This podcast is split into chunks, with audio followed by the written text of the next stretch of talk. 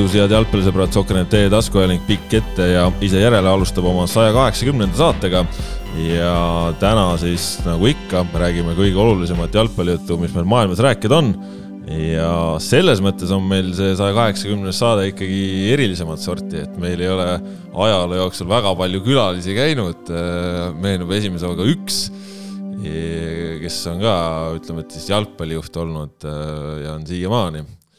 ja täna siis äh, on meil jälle külaline ja mine tea, võib-olla neid külalisi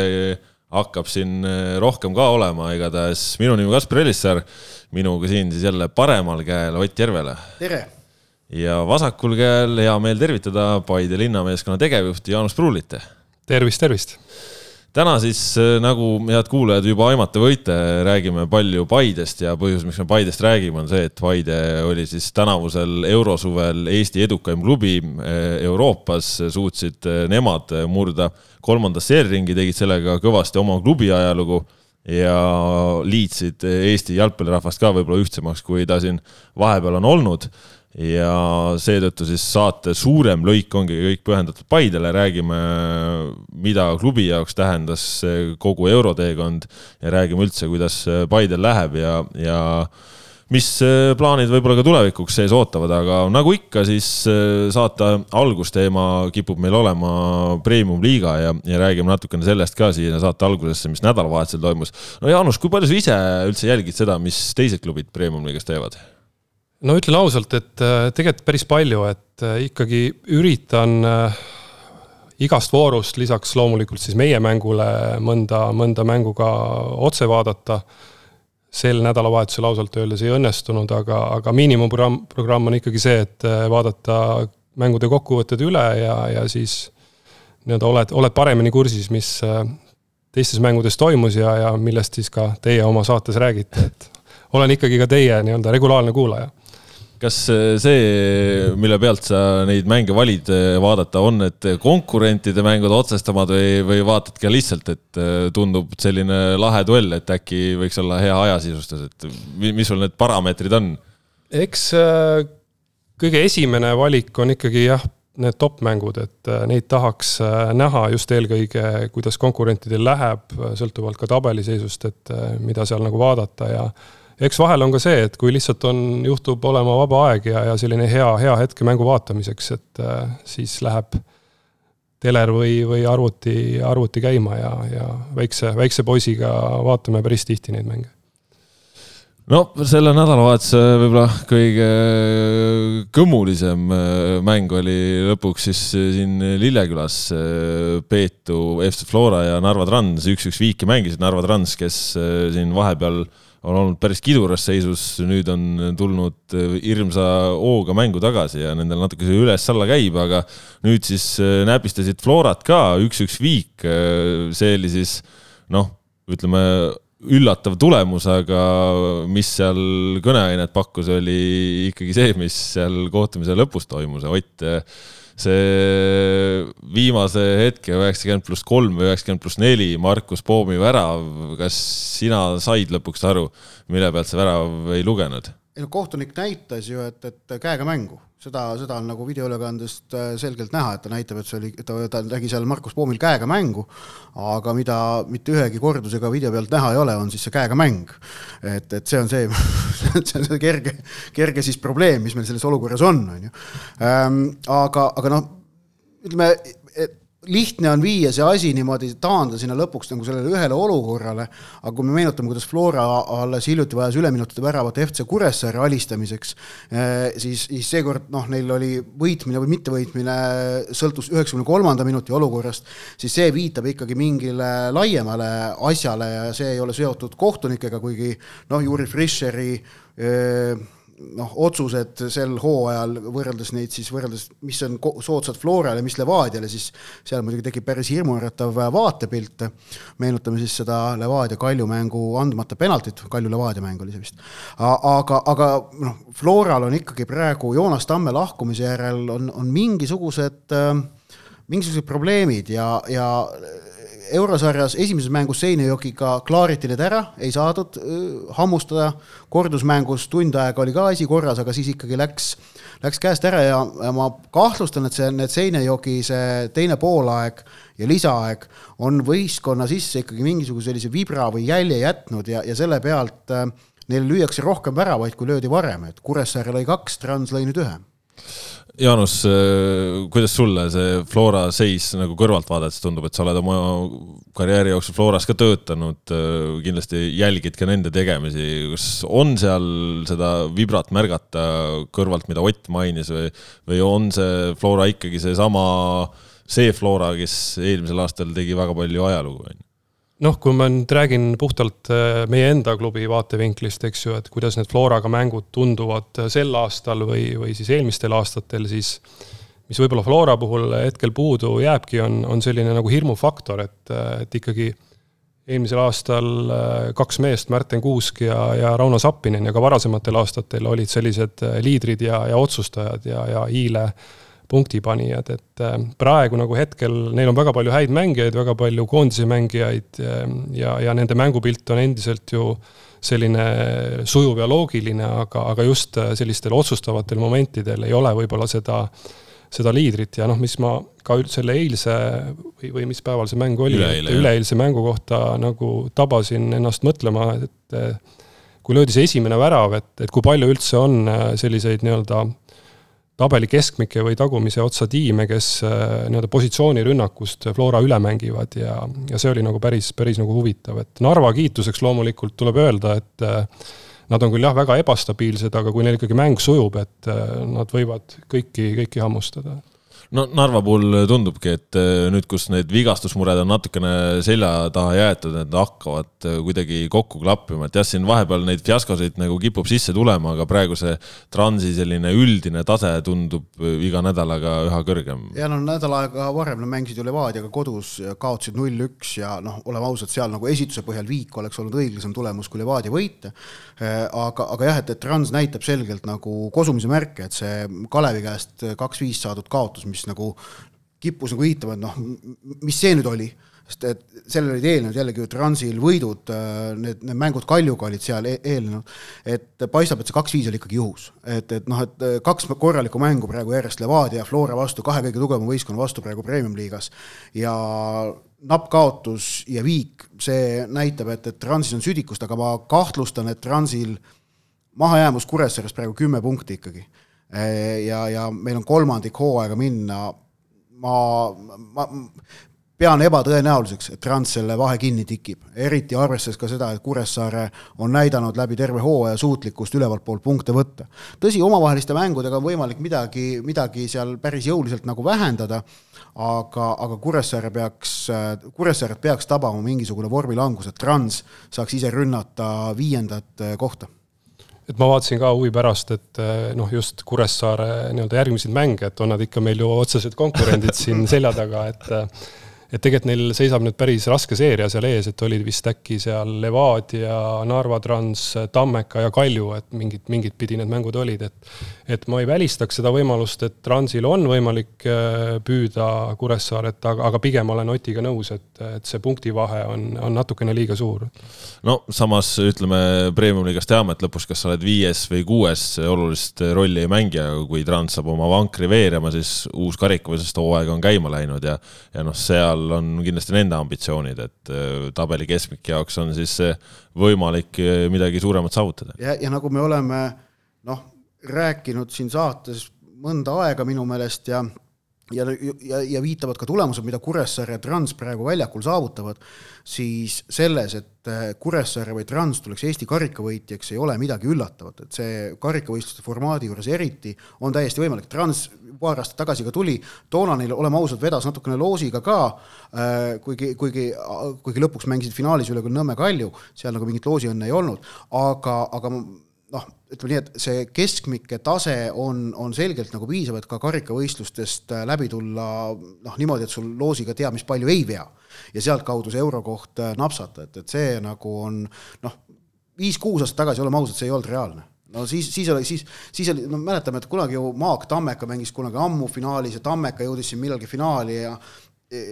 noh, aga seal ei olnud kunagi reaalselt õhus seda nagu äh, seda nagu ootust või varianti, et, et nad, nad tegelikult selle ära ka võtavad, et seal noh, mingi juhus oleks võinud see olla, aga praegu on see, et kui, kui Trans või Kuressaare mängib ennast finaali, siis nad on seal väga ohtlikud. noh, sinna ritta võib ka panna Paide selle kaks tuhat viisteist finaali ja. Kaljuga, eks ju, kus noh, oli, oli võimalus justkui, aga reaalsus oli ikkagi see, et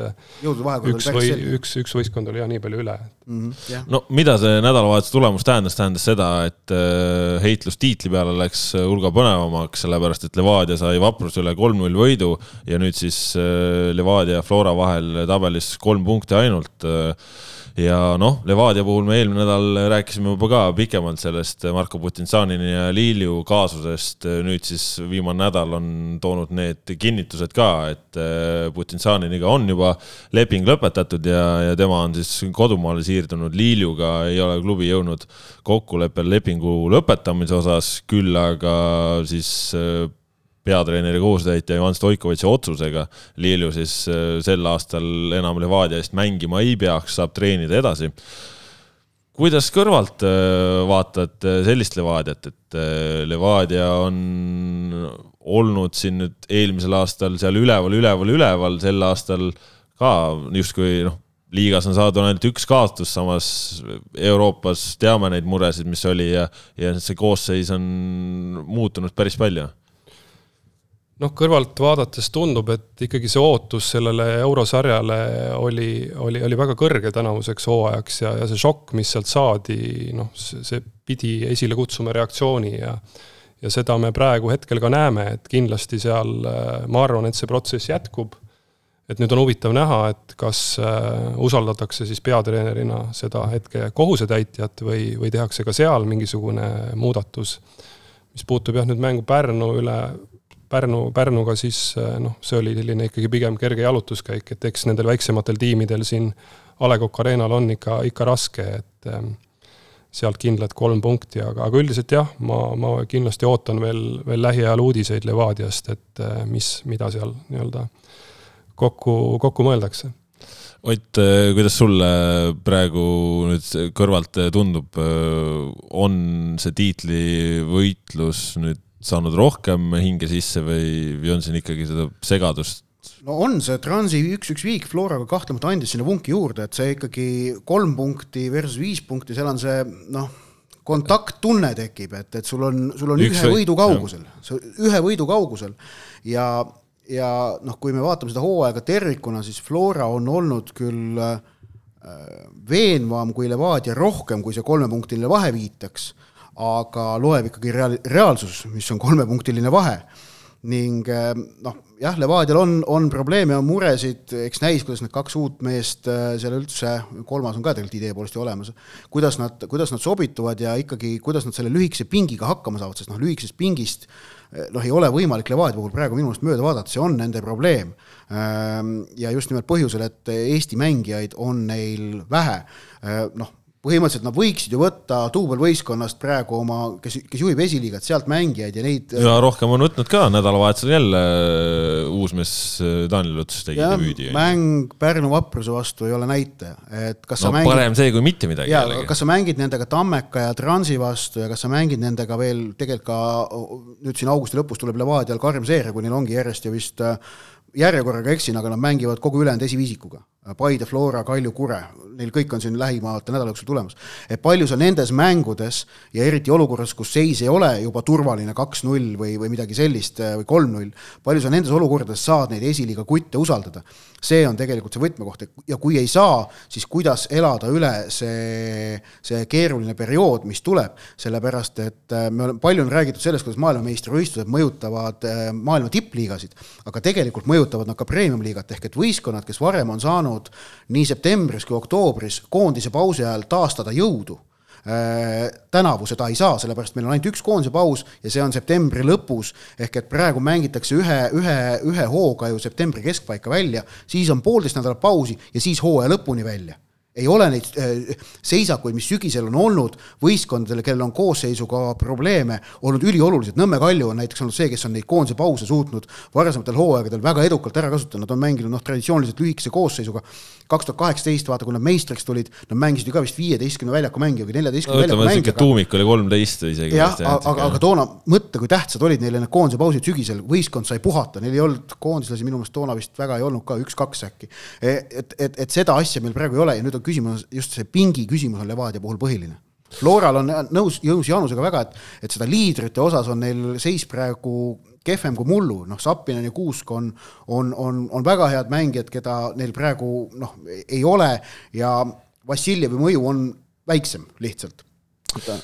ja no nädalavahetusel, mis veel toimus, oli see, et Tartu Tammeka leidis võidusoonekese viis-kaks alistasid Tallinna Kalevi. noh, sellest mängust palju rääkida ei ole, seal väravahid Kalevi suul võib-olla ei olnud just ülesannete kõrgusel. ja noh, Tammeka poolelt siis Henri Käblik, noor seitsmeteistaastane ründaja, kaks väravat vahetuses sekkudes, et see on võib-olla selline märkimisväärsem asi. lisaks siis nädalavahetusel Nõmme Kalju alistas kaks-üks Tallinna Leegioni Ott äh, põgus kokkuvõte on see, et äh, Kaljul olid asjad sisuliselt ikkagi kontrolli all, aga Leegion näitas hambaid endale omaselt. no Kalju läks avapoolel kaks-null ette ja Leegion jäi seal viiekümne kaheksandal vähemusse, et see ühe värava lõid nad tagasi, on ju, viimasel üleminutil ähm,. Leegion, Leegioni mängus torkas ikka silma see, et nad on Nad suudavad kokku panna kauneid rünnakuid, äh, täiesti nagu loogilisi lahendusi ja siis aeg-ajalt teevad täiesti arusaamatuid tehnilisi praake no, no näiteks mulle hakkasid väga silma tolles mängus mingi neli-viis suluseisu, äh, mis, äh, mis olid niimoodi, et mängija polnud äh, liikunud tagasi liini taha. ehk et noh, täiesti tarbetud kuskil küljejoone juures, täiesti mõttetud suluseisud ja muid selliseid väikseid praake, et kui Le Leegion neid oma mängust välja ei suuda rookida, siis neil on keeruline ikkagi punkte hakata juurde koguma. Jaanus, kuidas sina vaatad, Kalju praegu nüüd teil ka ikkagi kõige lähem meeskond, keda püüda, vahe läks nädalavahetusel suuremaks. kuidas see Kalju sulle tundub, et Kalju siin on ka olnud ikkagi väga suurtes raskustes nüüd Edi Cardoso käe all on see klubi muutunud ja noh, mõistagi ka Argo Arbeiteri tulekust alates on nagu väga niisuguse teistsuguse näo saanud. no kindlasti see tänavuse aasta Kalju on, on nagu sümpaatne ja mängib, mängib head jalgpalli, seda peab nagu tunnistama ja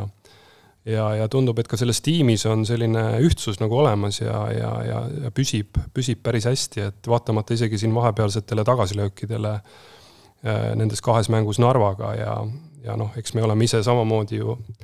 neid punkte kaotanud, nii et see, see vahe on praegu ikkagi päris soliidne Kalju kasuks, et ma arvan, siin väga suurt rolli nüüd mängib see järgmine omavaheline mäng, et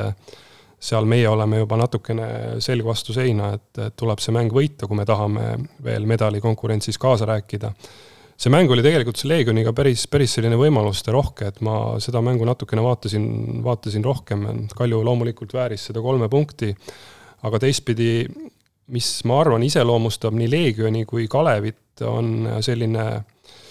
sarnane seis, et äh, need keegi nagu väga midagi ei oota, et pigem ju arvati, et nemad on need kaks meeskonda, kes, äh, kes hooaja lõpus välja kukuvad või siis mängivad neid üleminekumänge, et äh, et jääbki selline tunne, et neil ei ole nagu eriti pingeid, mängitakse sellist mõnusat rõõmsat jalgpalli, on päris palju võimalusi, halval päeval lüüakse puur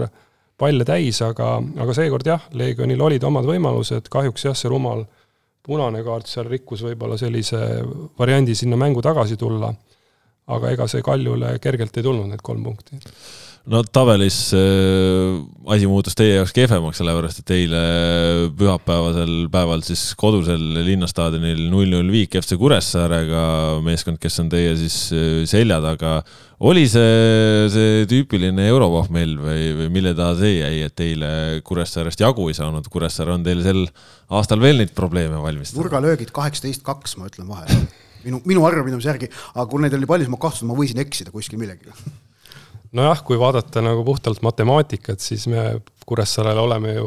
kolme mänguga justkui seitse punkti juba ära andnud ja, ja olemegi ära andnud, et ikkagi see eeldus ju, kui sa tahad tiitlimängus kaasa lüüa, on see, et sa tagumisi võistkondi praktiliselt sajaprotsendiliselt võidad. Aga, aga võib-olla, mis oli huvitav pärast seda eilset mängu, on see, et kui, kui enamasti ma ikkagi nii-öelda klubijuhina olen väga löödud ja pettunud, kui me alumistele punkte kaotame ja ja, ja, ja, ja need ei võida, siis eile ma pigem selle mängupildiga jäin rahule, sellepärast et noh, mida ma nägin, oli, oli kõrgem tempo, mida ma nägin, oli, oli väga suur tahtmine seda väravat lüüa, lihtsalt äh, me olime seal ees äh, liiga nürid ja ei suutnud neid palle sisse lüüa, et seal neid võimalusi oli, oli ikkagi nagu küll ja veel, et ähm, Kuressaare kiituseks tulebki öelda, et noh, nad teevad seda oma asja hästi, nad kaitsevad väga kompaktselt ja, ja meie premium-liiga kõige väiksemal äh, nii-öelda muruväljakul on, on seda nõksa kergem ka teha, et loomulikult valusad kaks punkti, see nii-öelda virtuaalne tabel on ju meil teada ja, ja, ja noh, nüüd kus on veel kaks pidamata mängu, siis kui me need suudame võita, siis on ikkagi see vahe Kaljuga kuus punkti. ja me ei ole ju ka neid mänge võitnud, nii et ähm, kõva, kõva väljakutse meile. Europohmelli, ma arvan, selles mõttes ei olnud, et äh, me saime ikkagi päris kiiresti sealt äh, Belgiast koju tagasi, me saime ilusti välja puhata, natukene peatreener ka roteeris ja andis vanematele mängijatele puhkust, nii et äh, ma seda küll ei näinud, et ka see teine poolaeg ju tõestas äh, väga ilmekalt, kus me ikkagi täielikult domineerisime, lihtsalt äh, oli, oli, oli päev, kus meie ründajatel oli, ütleme siis, üks kehvemaid päevi. no sel hooajal äh, Paide on löönud liigas nelikümmend seitse väravat, liidril Floral on kuuskümmend kolm väravat.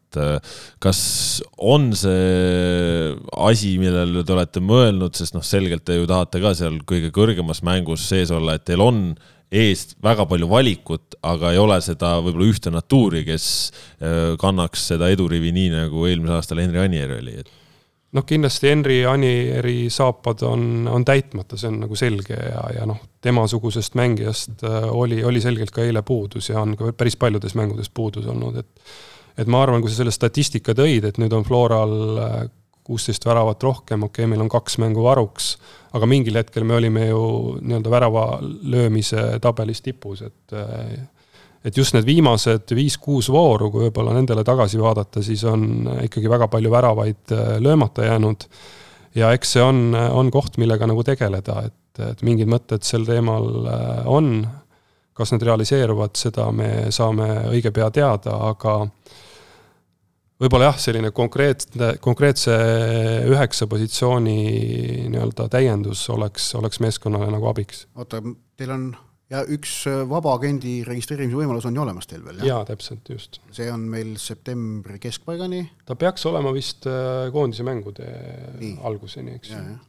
ahah, no vot, näe, saime uudise ka siit praegu, sellise uudisepojukese. jaa, absoluutselt. aga tuleme selle neljapäevase mängu juurde. Paide läks äh, Belgiasse olukorras, kus äh, kaheväravaline kaotus, oli vaja tagasi teha. ja noh, siit Eestit seda mängu vaadates tundus hetkeni, kuni Anderleht lõi esimese värava, et Paide võib täitsa vabalt need kaks väravat siit ära lüüa. ma ütlen ühe vahele selle, et, et see esimene tund aega Brüsselis oli väga äh, ilus. tõestas väga selgelt ära, miks Karel Voolaid esimese mängu järel nii pettunud oli. et kui toona nädal aega varem siin Tallinnas tundus, et, et, et see Kareli pettumus oli, oli äkki natukene nagu noh, mitte nüüd üle mängitud, aga, aga noh, et oli, tekkis kergelt nagu noh, et natuke tund-, kuidas öelda, oli keeruline aru saada, et miks ta nagu nii pettunud on, et noh, tegelikult ega Tallinnas ka ju ei tehtud paha mängu, üldse mitte. aga siis see tund aega seal Brüsselis näitas väga selgelt ära, et ta, ta oli väga täpne, oli see, et ta oli esimese mängu järel niivõrd pettunud, sest et äh, oli variant jah, oli olemaski variant, see, see tund aega näitas seda kui te vaatasite loomulikult äh, seda ülekannet ETV kahes, siis tegelikult need härrased, keda seal tribüünil näidati, seal olid klubi president, klubi tegevjuht, klubi spordidirektor, et nad olid päris murelike nägudega. Roberto Martinez oli ka vaatamas. ja, ja tema oli ka. Carambeu oli vaatamas, kuulge noh, üheksakümne kaheksakümne aasta MM-i legend ikkagi. et, äh, et selles mõttes ma olen nõus, et, äh, et need esimesed ütleme, tund aega oli, oli tõesti meie poolt väga-väga hea jalgpall ja ja, ja just äh, sellistes mängudes äh, tihti loevad need üksikud otsused, et äh, ma ei saa nüüd sada protsenti väita, et see Robbie Saarma vastu tehtud viga või kas ta siis üldse oli viga või ei olnud, noh, kohtunike arvates ei olnud, et, et see väärinuks nagu penaltit, aga, aga noh, ilmselgelt selline otsus võinuks seda mängu muuta, et, et et olnuks, olnuks Anderleht ilmselt natukene ettevaatlikum ja, ja võib-olla meie Kambja poiste mõju seal vahetuses sisse tulnuna olnuks oluliselt suurem, kui ta tegelikult nüüd oli, et ikkagi kaks-null seisus koduväljakul Anderleht hakkas seda mängu peale seda joogipausi domineerima ja, ja noh, lõpuks ikkagi nii-öelda sõitis, sõitis selles lõpufaasis teerulliga üle, aga, aga ikkagi mis mulle nagu kõige suuremat headmeelt teeb, ongi see, et me mõlemas mängus olime mängus sees ja, ja mitte ei löönud palle lihtsalt minema teisele poole, vaid ikkagi mängisime jalgpalli minu arust üks asi, et vaata mõlema joogipausi järel äh, neljapäeval suutis Anderleht enda mängus teha korrektiive ja, ja kuidagi hakata mängida, mängima paremini. et see oli nagu huvitav, kuidas nad joogipausi minu arust ära kasutasid. no nii see oli ja eks loomulikult noh, ikkagi kui nüüd vaadata seda koosseisu, millega Anderleht alustas, siis võib-olla natukene seal anti, anti siis võimalusi noorematele mängijatele ja ja jäeti need trumpassad äh, võib-olla pingile selle mõttega, et tulevad ju ka nädalavahetusel liigamängud, aga, aga noh, niipea ikkagi, kui need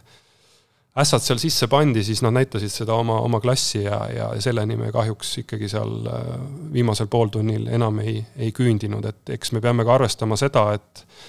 et äh, meie nii-öelda pink oli natukene lühemaks jäänud, meil oli Sergei Mošnikov oli haige, Teibis oli juba, juba nendest mängudest eemal, Edgar Turr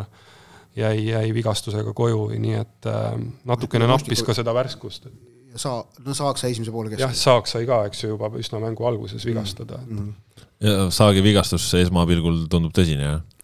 noh, ma ikkagi loodaks, et äh, ta on ise nagu üsna optimistlik, et on siin äh, nendeks suurteks mängudeks jälle valikus tagasi, et, et ta nüüd ka saab äh, pärast päris suurt koormust seal Euroopa mängudes veidi puhkust ja, ja loodetavasti selle äh, selle väikse kanna, kannavigastuse välja ravida. saite Euroopas kogeda väga erinevaid kultuure, kaks korda käia Kaukaasias külas ja siis äh, käia Euroopa pealinnas külas. et kirjelda natukene äkki neid äh, kultuure, äh, klubi vastasklubide juhtkonnaga läbimisel kogetud erinevaid hoiakuid ja, ja lähenemisi ja suhtumisi, ma kujutan ette, et need on ikkagi noh, diametraalselt erinevad, see, kuidas jalgpalli nähakse ja kuidas sellesse suhtutakse Kaukaasias ja see, kuidas seda tehakse Brüsselis jah, et kui sealt äh, otsast äh, alustada, siis Tbilisi Dinamo tegelikult noh, ma arvan, et oli, oli ikkagi selline kuidas öelda, väga, väga kogenud, äh, väga nii-öelda suure ajalooga meeskond, kellele ilmselt mingil hetkel see, see suur ajalugu hakkas, hakkas nii-öelda saama niisuguseks pärssivaks teguriks, et need ootused äh, ootused Tbilisi Dinamole olid, ma arvan, oluliselt suuremad kui, kui sellele Ararat Armeeniale, kes on ju tegelikult noor ja, ja, ja uus klubi, et kuigi selliste väga suurte heade finantsvõimalustega. selle direktorid seal Pärnus teisel poolajal ja lisaajal ikka noh, sõimasid ka ikka päris korralikult tribüüni peal, ma nägin, istusid kolm rida eespool minust. jah, et ütleme, kui meid Gruusias ju võõrustati väga hästi ja, ja, ja oli selline väga mõnus äh, omavaheline suhtlemine, siis äh, nii-öelda meenutades seda, seda kordusmängu ja, ja ikkagi nende jaoks seda šokkkaotust, siis äh, mindi sealt ikkagi nuttes ära ja, ja oli ka see klubi president, kes siis mõni aeg hiljem sellest klubist äh, loobus või, või pani ta siis nii-öelda müüki, noh, tõenäoliselt teinud päris korraliku pistolei seal riietusruumis, nii et äh, nemad tegelikult ei tulnudki meiega nii-öelda kätt suruma ja, ja hüvasti jätma, vaid läksid äh, nii-öelda pea maas sealt Pärnust minema ja, ja rohkem me neist kuulnud ei ole mm. -hmm mis puutub nüüd sellesse Ararat Armeeniasse, siis äh, tulles kor-, korraks sinna päris, päris lõppu, et kui me selle penaltiseeria võitsime, siis nemad olid nagu aumehed ja, ja ikkagi soovisid edu ja, ja seda oli näha, et see ei olnud selline kunstlik, et noh, mis me siis ikka ütleme, et, et mm. edu teile, aga, aga see oli nagu siiras ja, ja on ka pärast äh, nii-öelda järgmistel nädalatel veel soovinud edu seal Anderlehti vastu ja jätkanud seda suhtlust. aga, aga võib-olla ma arvan, et selle Ararat Armeenia jaoks sai see klubi noorus ja organisatsioon võib-olla kõige suuremaks takistuseks, et ähm, lihtsalt näitena nemad otsustasid äh, reisida Eestisse vaatamata sellele, et neil oli charter kolmapäeval, nad jõudsid siia alles kolmapäeva õhtul, nad ei teinud mängueelset treeningut nad pidid tegema vahemaandumise Rumeenias, ehk siis nende mänguks ettevalmistus oli, oli ikkagi mina, mina arvan, natukene ebaprofessionaalne, et ma nägin ise Pärnus seda, kui nad seal mängupäeva hommikul kell kaksteist, seitse tundi on avavilet, tegid seal Pärnu rannastaadioni kõrval harjutusväljakul ja tegid nagu pallitrenni. ja, ja üldse mitte nagu sellist noh, et noh, lähed võimled natukene ja ma ei tea, kõksid, vaid see oli ikkagi suht intensiivne tegevus, mis nad seal tegid, et, et see tundus nagu niimoodi, no, no ausalt, no ei, ei ole loogiline, jalgpallis ei näe sellist asja, et sa teed mängupäeva hommikul äh, intensiivsema moega pallitrenni, no kurat, no ei ole sellist asja. No.. seal oli jah, ka meile nagu üllatuseks soov ja noh, kuna seal hommikul olid vist juba trenniajad paigas ja see soov tuli ka enam-vähem seal kolmapäeva õhtul alles mm, -hmm siis loomulikult meile nagu pakkus head meelt see, et mida, mida hiljem nad treenivad, siis seda, seda, seda parem meile ja tegelikult, kui nüüd vaadata seda mängu tagasi ja meenutada, siis ega, ega ikkagi neil teisel poolajal ja ja lisaajal väga midagi juurde panna ei olnud, et, et see väsimusaste, ma arvan, ka selle reisi tõttu oli, oli päris suur faktor. ja mis puutub ka seda esimest mängu seal Armeenias, siis jällegi noh, väga, väga huvitavad tingimused, et mängida sellise, sellise suure tuule käes, samas neil on ju olemas päris korralik rahvusstaadion, mis on selline katel ja, ja, ja kus siis mõni päev varem mängis see Jerevani Pjunik. Et, et päris, päris huvitav, nad ise ju peaksid teadma, et seal igal õhtul nii-öelda mägedes hakkab see tugev tuul pihta ja noh, see oli praktiliselt kella pealt pool seitse hakkas ja, ja siis üha tugevnes ja tugevnes. ja mängupäeval see oli noh, tõeliselt nagu raju, et, et ega ega ei olegi nagu sellistes äh, oludes nagu mänginud ja, ja tegelikult enne mängu, kui ma vaatasin, et kui oli see poolte loos, siis tundus, et et kui me esimese poolaja kuidagi seal vastutuult ära kannatame, et küll me siis hakkame seal teisel poolel panema allatuult, aga tegelikult oli täpselt vastupidi, et et seal mingid pallid konkreetselt, mis välja läksid, äh, siis pallipoisid pidid veel sada meetrit jooksma, kuna kõrval oli ka väljak ja noh, lihtsalt see tuul kandis ja kandis seda palli minema, et et äh, mis sellesse klubisse puutub, siis noh, väga rikas omanik, äh, Venemaa üks, üks magnaat äh, klubi nii-öelda siis võib-olla bossiks on üks endine väga kuulus Armeenia jalgpallur, nime küll ei mäleta, väga, väga selline tore vastuvõtt oli ja, ja, ja noh, see pool oli kõik, kõik nagu eeskujulik, aga just aga kuidas sa ütled mõlema puhul, vaata, rikas omanik või, või selline president ja siis tuled, on ju Anderleht, kus äh, see klubi püsib ajalool, mitte ühel persoonil. jaa, täpselt, ja noh, Anderlehti puhul me ikkagi saame ju rääkida Euroopa mõistes ka tippklubist, olgu, olgugi jah, et nende võib-olla viimased aastad ei ole nii edukad olnud, aga neil on ikkagi väga selge süsteem, väga selge filosoofia, kuidas nad oma asju teevad, nii et äh, õppisime sealt palju ja, ja, ja saime häid kontakte, nii et ähm, oli, oli au nendega mängida tegelikult. Kui palju üldse sinu jaoks selliseid uusi asju oli siin nüüd euromängude jooksul, pole te varem nii kaugele jõudnud, Anderlehti ka võõrustanud, et kas tippklubi tuleb siin mingisuguste täiesti ulmeliste nõudmistega või väga veidrate soovidega või oli, oli mingisuguseid selliseid asju ka, et noh, sa lihtsalt võib-olla ei, ei olegi mõelnud, et, et peaks ise selliste asjadega näiteks tegelema? ei, päris seda võib-olla isegi ei saagi öelda, et UEFA on need nõudmised ja, ja asjad, mida, mida soovitakse siis eh, vastase kodumängul päris hästi ära reglementeerinud ja, ja selleks on üks platvorm, kuhu siis vastasklubi sisestab ja, ja noh, sisuliselt ka kohe, kui on teada, et milline on järgmine paar, siis hakkab nii-öelda erinevatel tasanditel eh, inimestevaheline suhtlus, et Gerd Kams suhtleb siis vastaste, kas spordidirektori või, või tiimmänedžeriga peamiselt ja, ja mina siis selle organisatsiooni poole pealt, et ei olnud neil mingeid erilisi soove, oli soovi, sooviks kolmkümmend viis pitsat pärast mängu, väga täpselt kirjeldatud, millised pitsad, aga, aga noh, see on nagu selline tavaline, et äh, vist mingi naljakas soov oli see, et nad tegid äh, mängupäeval ka vist kerge treeningu ja, ja seal oli siis välja toodud nagu kaks vihmavarju ja mingisugused, kuna oli väga palav päev, et äh, aga, aga me saime kõik need soovid täidetud ja, ja kuna see mäng oli ka siin äh, A Le Coq Arena'l, siis äh, oli kogu see nii-öelda infrastruktuuri pool äh, oluliselt lihtsam, et äh, Pärnus ikkagi on see natukene väiksem ja, ja seal on natukene meil endal seda jooksmist rohkem. mis pitsad siis olid pitsad olid ikkagi seinast seina, et seal oli vist seitse-kaheksa eri, eri sorti välja toodud, et, et väga täpselt oli läbi mõeldud, et ju siis meestel on soovid paigas. see, no see, see on väga tähtis, selline asi peab paigas olema, mõtle, pingutad üheksakümmend minutit, lippad mööda väljakut, oled noh, läbimärg nagu narts ja siis sul ei ole sinu õiget pitsat see, see ei oleks professionaalne. sihukest asi, see ei kõlba kuskile. aga tulles veel tagasi selle neljapäevase mängu juurde, mis, mis tunne sul endal seal tribüüni peal seda mängu jälgides oli, tundsid sa ise ka, et see asi on õhus või et, et poisid panevad täna hästi? no tegelikult see algus oli ikkagi ju vägev, et äh, seal oli jällegi noh, oleks-poleks äh, situatsioon, et äh, kui me selle ära löönuks seal alguses, oli seal ju Singatehil hea võimalus, ta ei ulatanud sinna ja siis Siim Lutsul ikkagi nagu selline väga hea võimalus, et et ma arvan, ta lõi keerulisema värava ju seal Tbilisis kui selle, mis nüüd jäi löömata, et kes teab, jällegi noh, Anderlehtil ju selline šokk algus võinuks ju mõjuda hoopis teistmoodi, me ei tea seda, et aga noh, jällegi takkajärgi niimoodi kainelt analüüsides, siis see kaks-null ju peegeldus seda jõudude vahekorda ja, ja ma arvan, oli, oli selline aus tulemus, et äh, aga jah, nii mõlemas mängus needsamad äh, situatsioonid, äh, kodus see, see, see null-nulli pealt variant ja, ja võõrsil see kaks-nulli pealt variant, kus penaltit ei antud, et et jäävad natuke kripeldama, aga, aga ma arvan, et äh, nii-öelda kokkuvõtvalt me saime ikkagi rohkem, kui me oskasime unistada, sest et olukorras, kus me pole ju kunagi eurosarjas edasi läinud, siis oli juba see Tbilisi Dinamo üle saadud võit, kus ju ka pigem meid ikkagi ei peetud favoriidiks, meie jaoks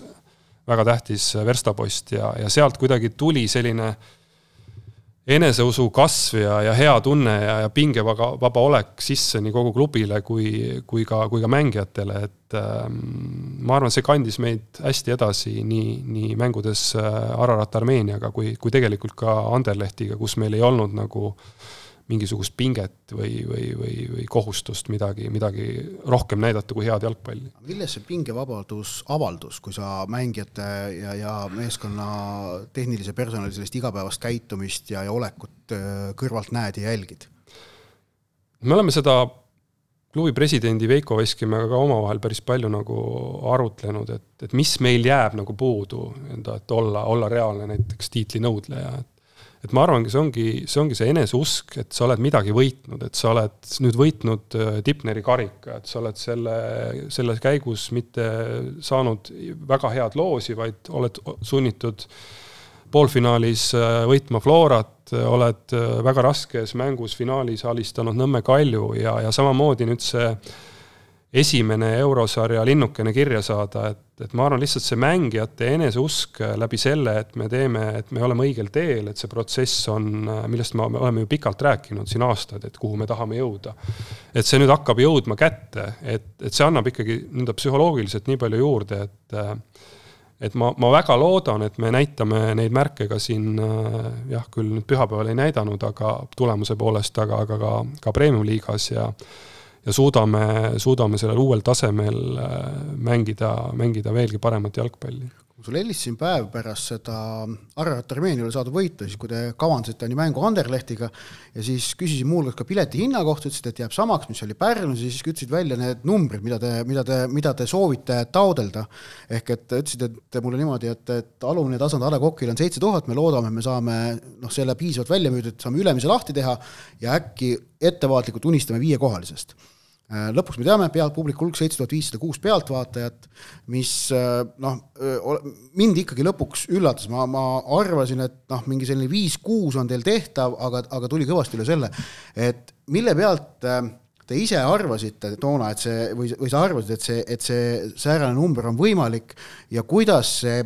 väga suur hulk head tahet mida minu meelest üldse Eesti spordiavalikkuse poolt äh, sinna pärast, eriti pärast Ararati mängu äh, ja Anderlehti mängude ajal siis, siis Paide poole tuli. kuidas teie seda nagu klubis tunnetasite, et, et sest noh, see sellist nagu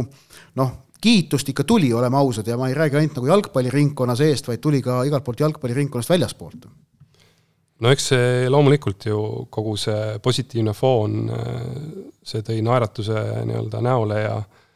ja andis kõvasti jõudu ja usku teha seda edasi, mida me teeme, et aga, aga miks ma tol hetkel selle välja ütlesin,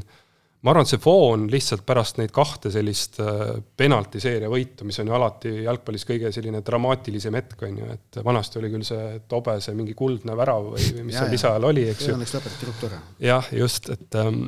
et, et see foon oli selles mõttes nagu soodne, et ei, olid ju ka teised äh, võistkonnad kahjuks Euroopast juba välja kukkunud ja, ja meil oli ka see Anderlehti mäng, see esimene kodumäng, et ei olnud nagu sellist võimalust, et me käime enne Belgias ära ja näiteks juhtub mingisugune kole skoor, kus kus tõenäoliselt seda mängu turundada olnuks oluliselt raskem meie kasu, kahjuks rääkis tegelikult see, see lühike aeg, et tegelikult ju neljapäeval äh, me Pärnus võitsime, reedel me päris veel valmis ei olnud seda mängu välja promoma ja piletimüüki alustama, ehk siis me kaotasime tegelikult ühe, ühe olulise päeva piletimüügi mõttes. ja, ja siis see piletimüügi algus jäi ju, ju laupäevale ja nädalavahetusele, aga, aga me otsustasime jah, et me natukene raiskame ressurssi siis ka reklaamile ja, ja, ja mõtlesime need kanalid välja, et mis on kõige suurema ulatusega kanalid. ja, ja, ja siis äh, ma arvan, kõik see, mis me tegime, äh, see hakkas seda, seda mulli nagu toetama, et, et see paisus suuremaks ja suuremaks ja, ja ma arvan siiamaani, et kui meil oleks olnud see mäng näiteks laupäeval, siis võinuks see, viiekohaline number olla mm., olla täitsa tehtav, sest et kahel viimasel päeval lisandus äh, äkki oli kas kolmapäeval kaks tuhat äh, piletit ja, ja, ja mängupäeval siis ligi kaks tuhat viissada piletit. et viimase kahe päevaga müüsite neli pool tuhat sellest seitsmest, seitsme poolest see on jõhker kogus ju. see oli väga suur kogus. jah, sest oligi, kui me rääkisime ju paar päeva enne või isegi päev varem, siis, siis sa olid ka veel natukene selline, tundub, et äkki ikka seda seitset ei, ei tea, kas tuleb, aga siis. ja, ja ma olin tegelikult jah, ma pigem tol hetkel, kui me rääkisime vist äkki esmaspäeval, et siis see number äh, väga suur ei olnud, et, et see oli võib-olla isegi alla kahe tuhande tollel hetkel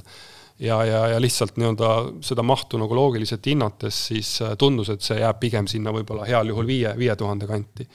aga et ta jah, nii suurelt kasvama hakkas, siis äh, see oli endale ka ikkagi nagu sihuke positiivne üllatus, aga, aga teistpidi ei, ei olnud üllatus ka, sest see oli eesmärk. kas nüüd äh, proovides võtta seda õppetunnina tulevikuks ja mitte ainult Paidele, vaid ka teistele eurosarjas mängijatele, Eesti klubidele, kas sa, kas sa arvad, kas on võimalik äh, säärase noh, suurema kampaaniaga, mille te selle mängu jaoks käima panite, see on ikkagi Eesti jalgpalli olnud, oli suht suur kampaania. et kas on võimalik sellega ka eel-, järgmistel hooaegadel eurosarjade esimestes ringides, kui veel ei ole mingit tulemust all, seda publiku hulka veidikene suurendada? ma ütlen, noh, mitte veidikene, ütleme arvestatavalt. noh, eks ta ikkagi üsna keeruline on, et eks ta sõltub äh, vastasest palju meie oleme otsustanud, et me ka tulevikus, niikaua kui meil endal Paides äh, eurosarja nõuetele vastavat staadionit ei ole, et me soovime mängida Pärnus, mitte, mitte A Le Coq Arena'l, sellepärast et äh, see Pärnu täismaja, olgugi et see on ainult tuhat viissada inimest, äh, on ikka midagi muud kui, kui isegi A Le Coq Arena'l kolm tuhat inimest. Loomulikult on, on võimalik turunduslikult teha neid asju suuremalt, kui võib-olla need esimesed esimeste ringide mängud tavaliselt on, aga aga eks see nõuab ka ikkagi sellist äh, kõikide asjade kokkulangemist, ma arvan, et seal oli nagu väga palju tegureid, mis mängisid meie kasuks ja, ja see oligi see nii-öelda,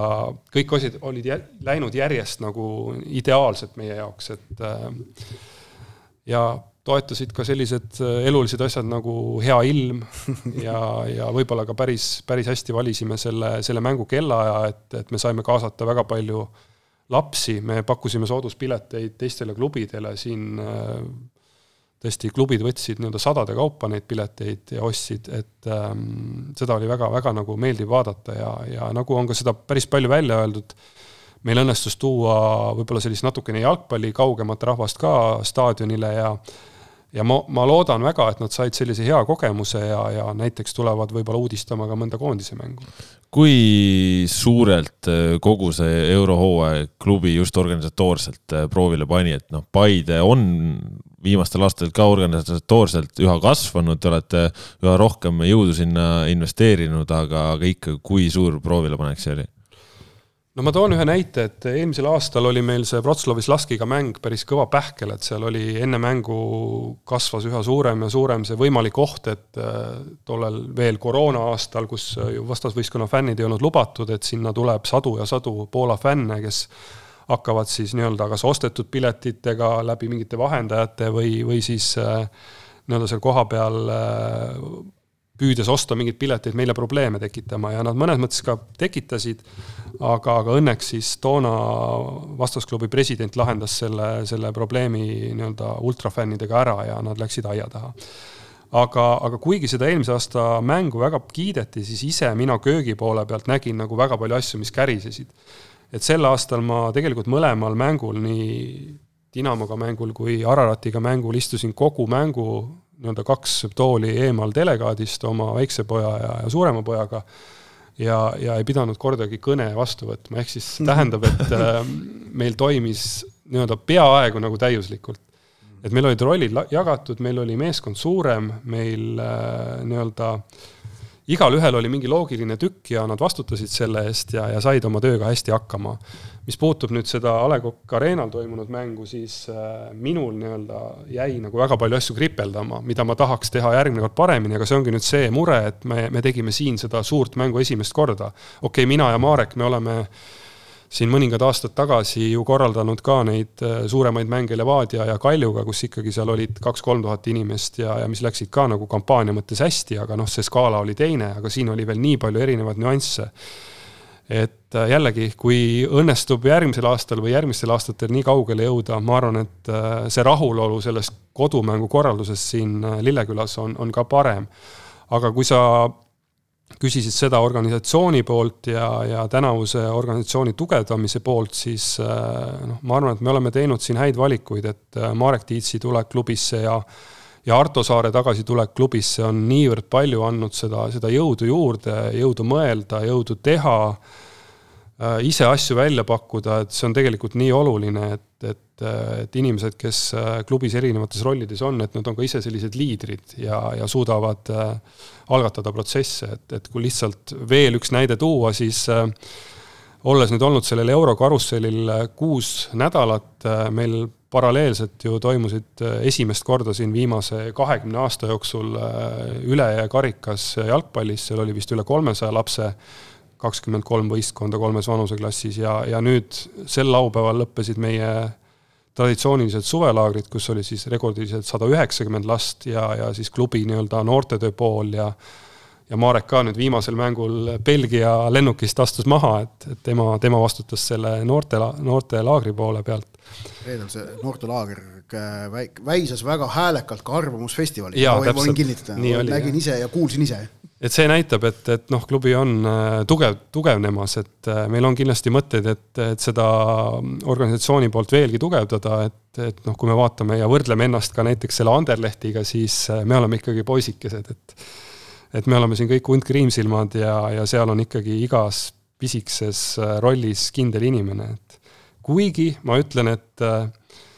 nende kolme vastase puhul äh, Anderlehti poolne ettevalmistus näiteks selleks hommikuseks UEFA koosolekuks, kus kõik asjad on väga detailselt peavad paigas olema, oli peajagu kõige halvem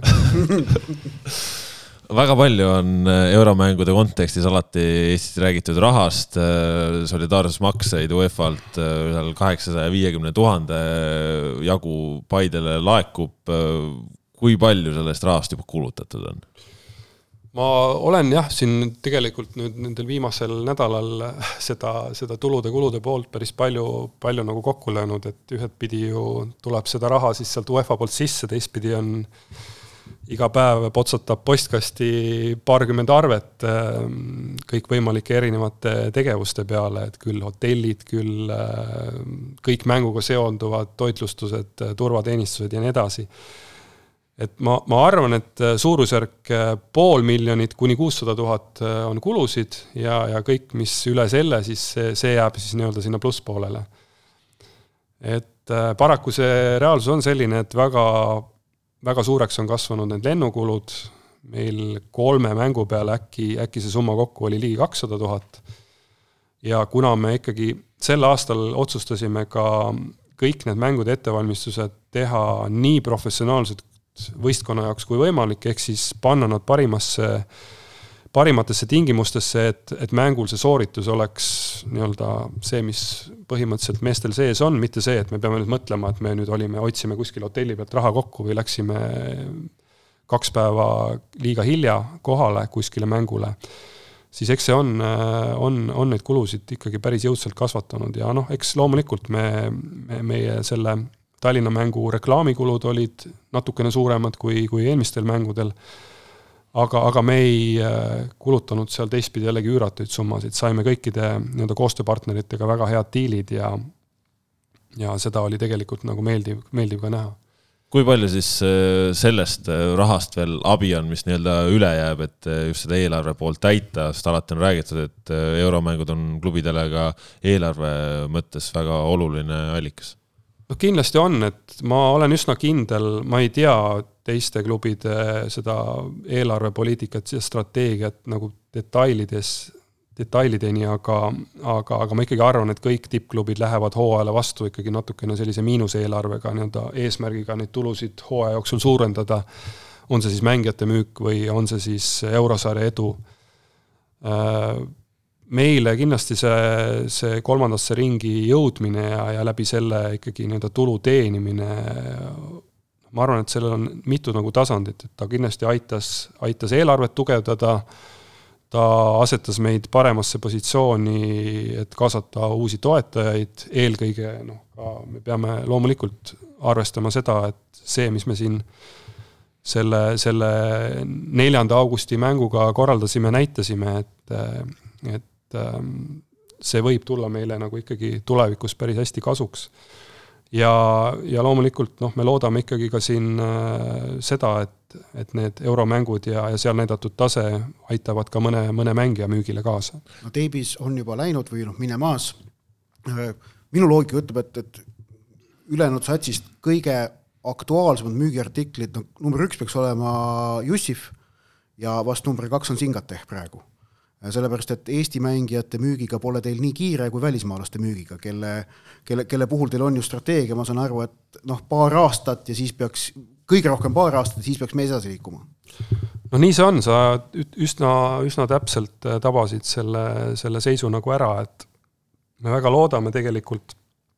et Jussif äh, läheks nii-öelda augustis, sellepärast et noh, ma arvan, et ta lihtsalt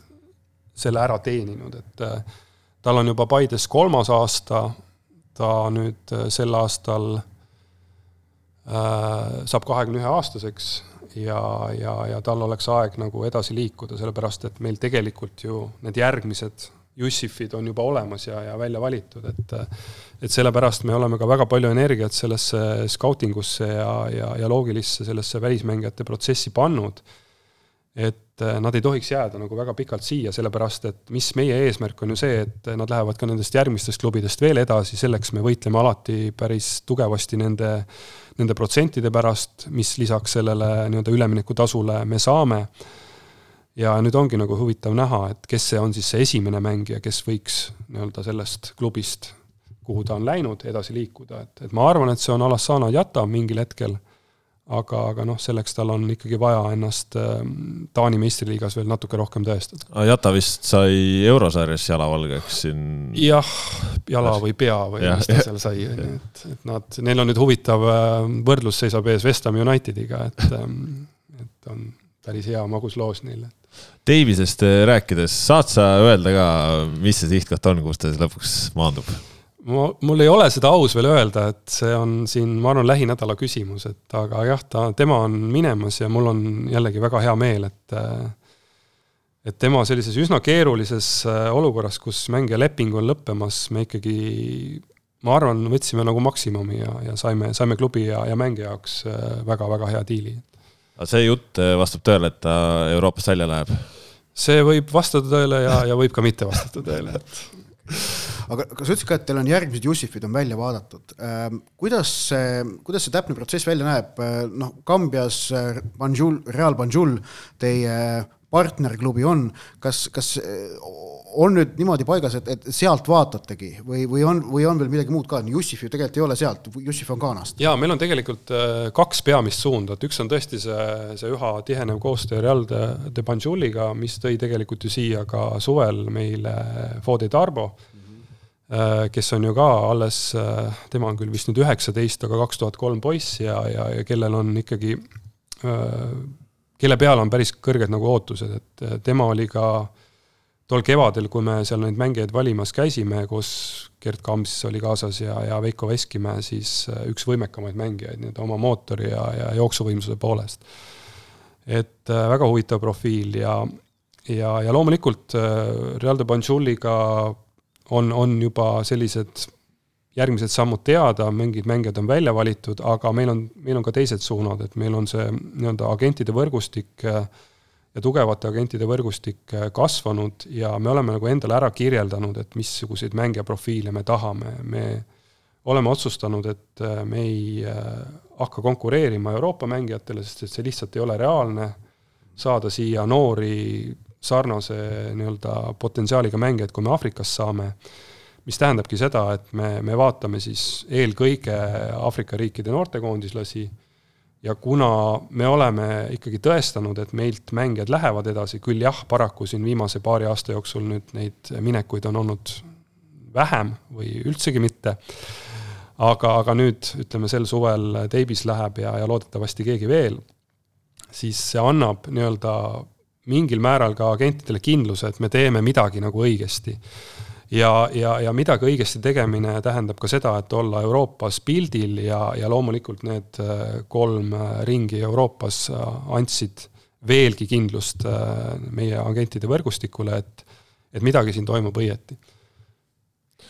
see üleminekute tegemine on kindlasti asi, kus te, kus te loodate ka raha ja eelarvet suurendada. kas te olete pannud sellise mingisuguse tärmini ka juba omale, et, et teil on vaja mingi osa eelarvest sellega täita või on see selline, et, et te tahate sinna jõuda mingite aastate pärast, et ta moodustaks mingisuguse osa? Noh, ta on, ütleme praegu meil eelarve on iga aasta jo joonistatud sellise nii-öelda tordilõikudena, et, et kui meil võib-olla kunagi oli selline naiivne arvamus, et et euroraha on kakskümmend viis protsenti ja, ja mängijate müük kakskümmend viis protsenti ja, ja mingisugused liikmemaksud ja, ja muud tasud on kakskümmend viis protsenti ja, ja siis riigi ja kohaliku omavalitsuse viimane veerand siis eks see reaalsus on see, et, et pigem on see eelarve ju kasvanud ja, ja ikkagi see toetajate panus on, on, on kõige suurem. aga, aga ma arvan, et me hetkel oleme seal kuskil kuni kümne protsendi peal ja, ja see on ka nii-öelda pikaajaline, et see ei pea olema nii, et see juhtub ühel aastal, mõnel aastal võib olla ju neid müüke rohkem või, või suuremate summade eest. ja siis jällegi seeläbi, kui, kui sa mingil aastal mängijaid ei müü, siis sa pead katma need eh, saamata jäänud rahad eh, teistest allikatest, et eh, me praegu oleme veel hetkel ikkagi sellises staadiumis, kus iga müük on nagu suur õnnestumine ja, ja, ja midagi nii-öelda täiendavat eelarvesse, aga, aga ilmselgelt, kuna, kuna see on ikkagi meil üks suund, miks me seda tööd teeme, siis äh, mingil hetkel see peab muutuma regulaarseks äh, tuluallikaks, vastasel korral noh, tekibki küsimus, et miks siis investeerida noortesse välismängijatesse, kui me näiteks äh, tahame teha tulemust, siis oleks ju loogilisem võtta kogenud mängijad ja, ja üritada siis jõuda seeläbi meistritiitlini või, või Euroopas edasi, aga, aga jällegi see, mis toimus tänavu, andis väga palju kindlust juurde, et me oleme õigel teel. Ja, ja mis meie puhul, noh, ma usun ka teiste klubide puhul on ju selge, et me mõtleme kogu aeg mitu sammu ette, me teame, millised liigutused me tahame teha jaanuari aknas ja, ja nii edasi sa mainisid ühe selle tuluallika kohana ka nüüd kohalikku omavalitsust ja riiki ja ma tahan küsida, kuidas teil on suhted kohaliku omavalitsusega, sellepärast et kui me vaatame nüüd äh, Paide kui, kui linna brände Eestis, siis noh, Arvamusfestival, kinni pandud teater ja linnameeskond, ega seal, ega seal midagi muud peale nende kolme suurt, mis nagu on, on, on rohkelt pildis ei ole. ehk et ma saan aru, et need on olnud suhted Paide, Paide linnavalitsusega on olnud kord jahedamad, kord soojemad. millised on nad praegu ja kuidas edenevad taristuprojektid, sellepärast et pean silmas nii jalgpallihalli kui ka staadionit, jalgpallistaadionit, mida ju te mõlemad kavandate et, et kuidas, kuidas, kuidas nendega seisud on? noh, midagi väga rõõmustavat ma siin praegu nii-öelda realistina ei saa öelda, et kõva endiselt seisab väga palju tööd ees ja, ja paraku kogu see, mis on majanduses toimunud, on, on seda hallide, hallide võimalikku hinda oluliselt kergitanud ja, ja sama võime ka öelda meie staadioniplaanide kohta. aga ma arvan, et me, me teeme selle halli ära igal juhul ja, ja me alustame seda ehitust järgmisel aastal, sellepärast et riigilt on ju see raha olemas, tuleb lihtsalt leida see puuduolev osa, et me ilmselt ei saa teha nii ambitsioonikaid plaane, nagu, nagu oli Viljandis, kus, kus see hall on tõepoolest selline rohkem kui üks jalgpallihall äh,, mitte ainult see, mis, mis on seal see jooksurada, aga kogu selle nii-öelda olustik seal on selline, sa lähed kuskil nagu ma ei tea, välismaale niisugusesse ägedasse kohta. et me tahaksime, et me saaksime vähemasti selle, selle nii-öelda basic variandi, et meil oleks äh, võimalik noortel treenida normaalsetes tingimustes, sest see loob tegelikult ka eelduse selleks, et tõsta noortesüsteem järgmisele tasemele. Praegu ikkagi me oleme sellisel poolharrastusjalgpalli tasemel, kus äh, me küll teeme nende vanemate gruppidega oluliselt professionaalsemat tööd kui varem, meil on olemas fitness treenerid, meil on olemas füsioteraapia abi seal, aga, aga sellegipoolest äh, meil hetkel veel ei ole võib-olla seda seda tõmmet seal maakonnast väljapoole, et, et tuua sinna Paidesse treenima ka, ka nii-öelda teiste maakondade poisse, kus võib-olla see tippjalgpall ei ole nii kõrgel tasemel kui Paides. Äh, linnavalitsusega, nüüd on meil uus linnapea, et meil siin lähiajal seisavad äh, kohtumised ees ja, ja me loodame kindlasti saada nii linnapoolset tuge kui ka, kui ka riigipoolset tuge, mis on võib-olla veelgi tähtsam, sellepärast et äh, linnal on ju ikkagi lõpuks kindel eelarve ees ja, ja nemad peavad kuidagi nende kulude ja tuludega kokku saama, et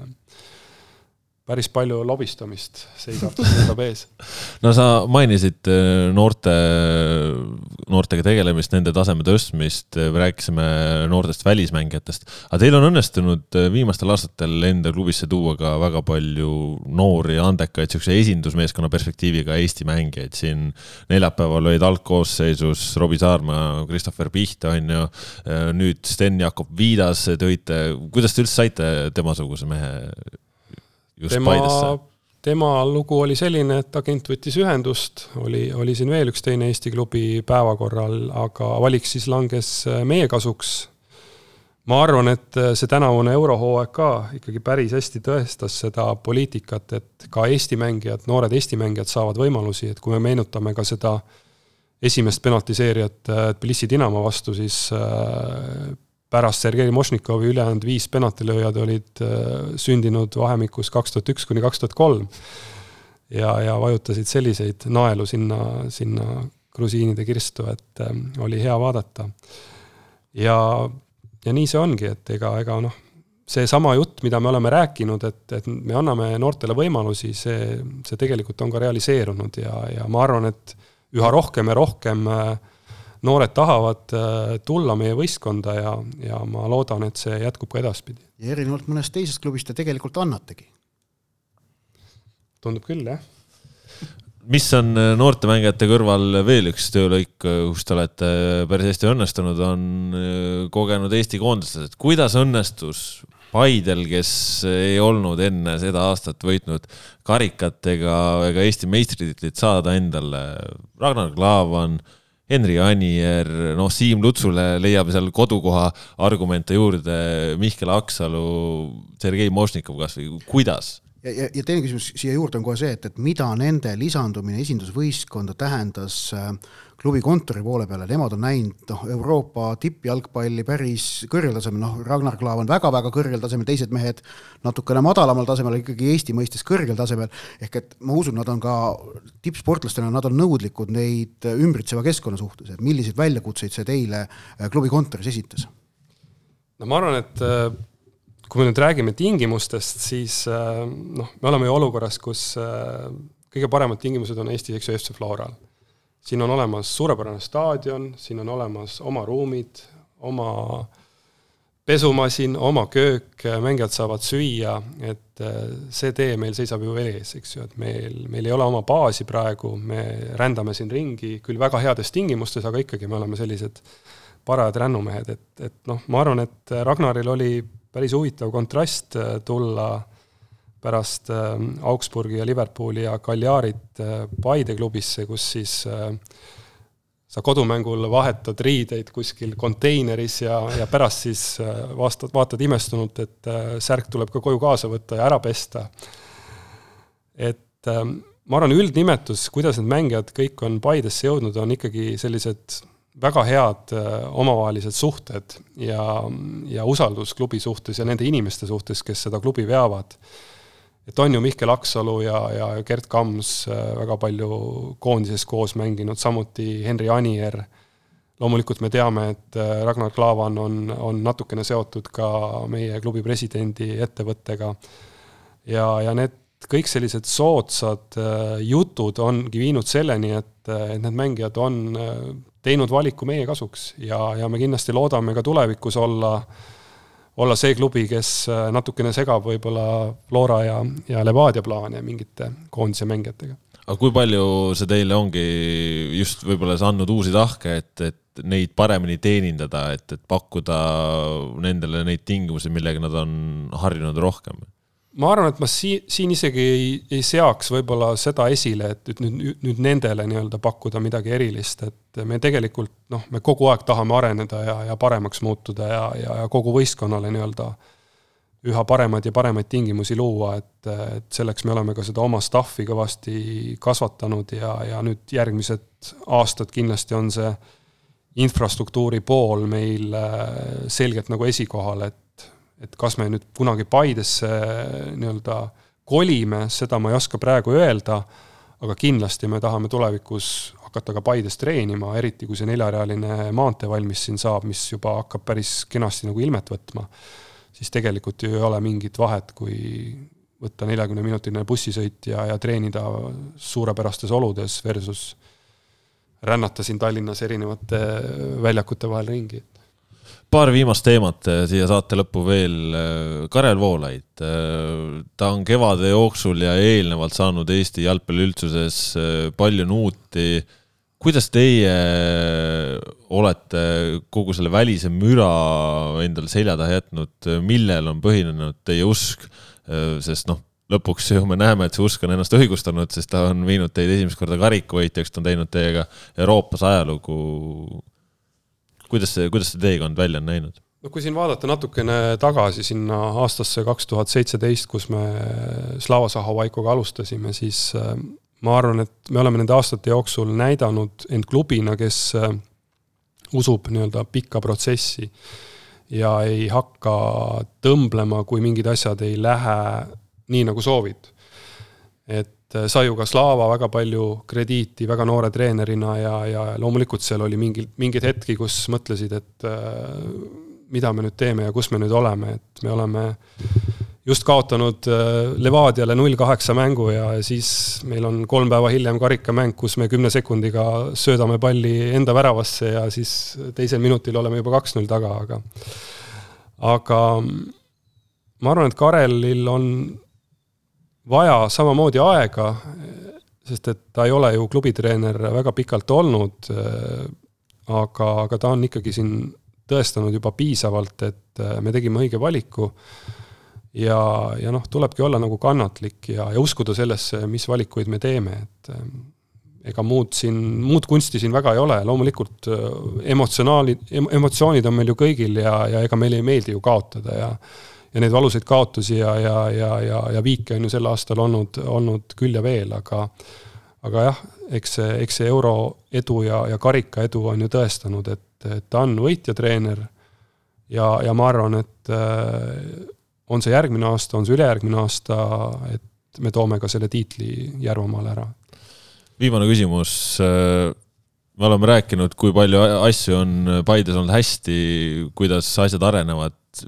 mis teile praegu tänasel päeval veel muret valmistab?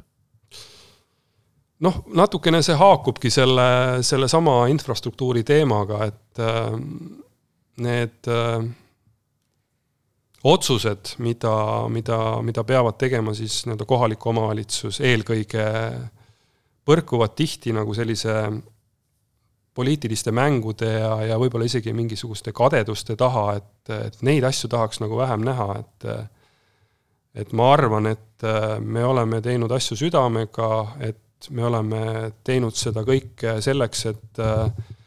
et Järvamaa lastel oleks äh, ka uhke tunne, et nad ei peaks mingil hetkel oma karjääris valima mõnda teist klubi, vaid, vaid saavad kuni Euroopani välja olla, olla uhked oma, oma klubis ja, ja jõuda ka karjääris, karjääris näiteks valitud teel väga kaugele et äh, selleks meil on vaja kindlasti suuremat tuge, tuge nii-öelda ka Järvamaal ja, ja, ja eelkõige siis Paide linnas nende plaanide elluviimiseks, mida me, mida me teha tahame, aga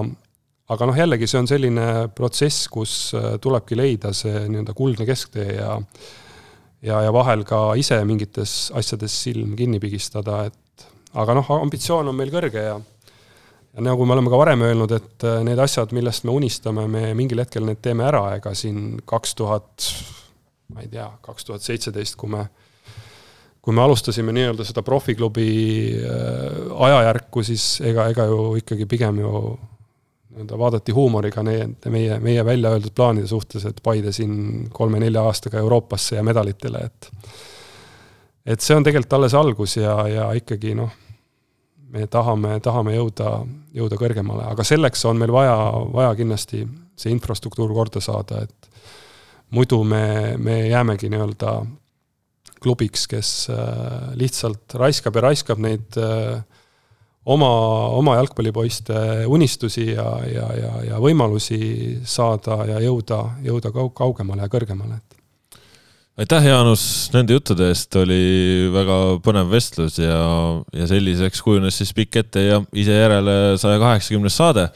milline on uus saade, seda kuuleme-näeme järgmisel nädalal, siis nagu ikka jällegi kõige olulisemad jalgpallijutud maailmas, mis rääkida on, ära räägime. täna võtsime siis sümboolselt kokku Eesti selle aasta edukaima euroklubi teekonna ja, ja vaatasime natukene nendesse telgitaustesse. tänast saatetööd teenib Kaspar Elisser Ott Järvela ja Jaanus Pruuli, Paide linnameeskonna tegevjuht, aitäh, et meid kuulasite, kuulake meid jälle, adjöö!